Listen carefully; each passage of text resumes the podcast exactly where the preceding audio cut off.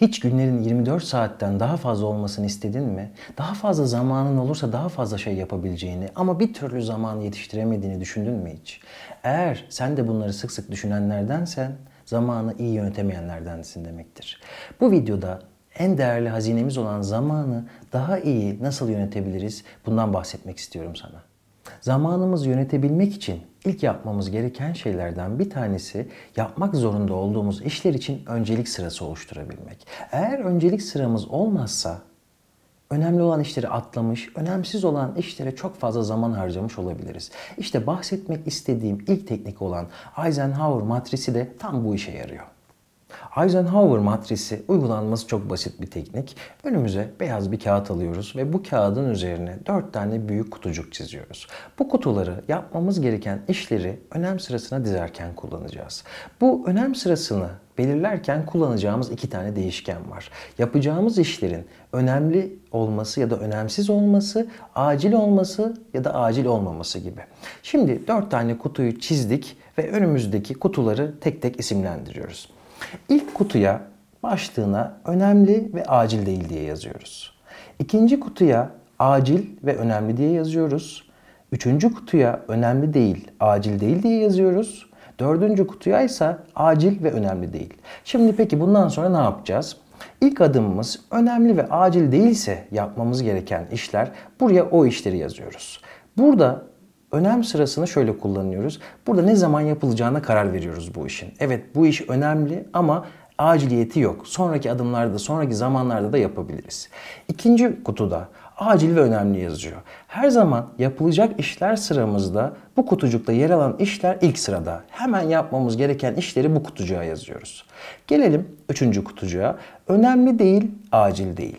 Sence bunu yapmaya gerek var mı? Hem önemli değil hem de acil değil. Yapmana hiç gerek olmayan aslında ama kafanda yer edilmiş işleri de buraya yazıyorsun. Dördüncü kutuya ise acil ancak önemli değil. Eğer ki bunu yaptırabileceğin başka insanlar varsa buradaki görevleri yani delege edebileceğin insanlar varsa bu işleri başkasına devrediyoruz.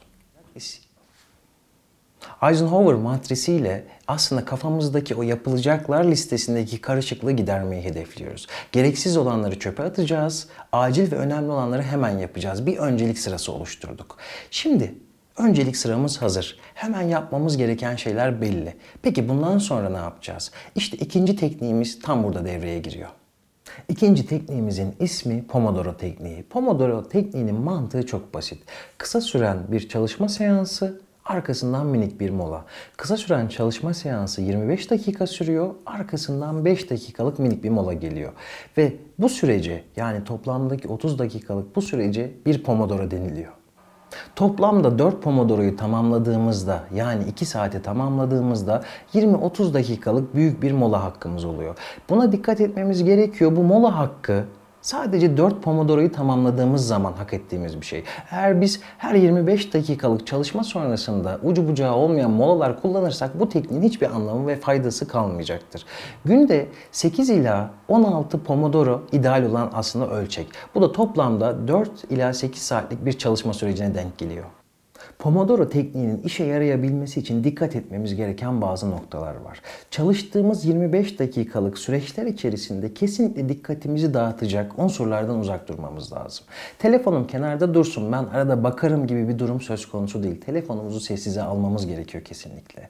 Ve bu arada sosyal medyada Facebook, Instagram, Snapchat bunlara göz ucuyla dahi bakmamamız gerekiyor. Ve bildirimler açıksa bunları kapatmanızı da öneririm. Çünkü o an için dikkatimizi dağıtacak bir şey verimimizi ciddi anlamda düşürecektir.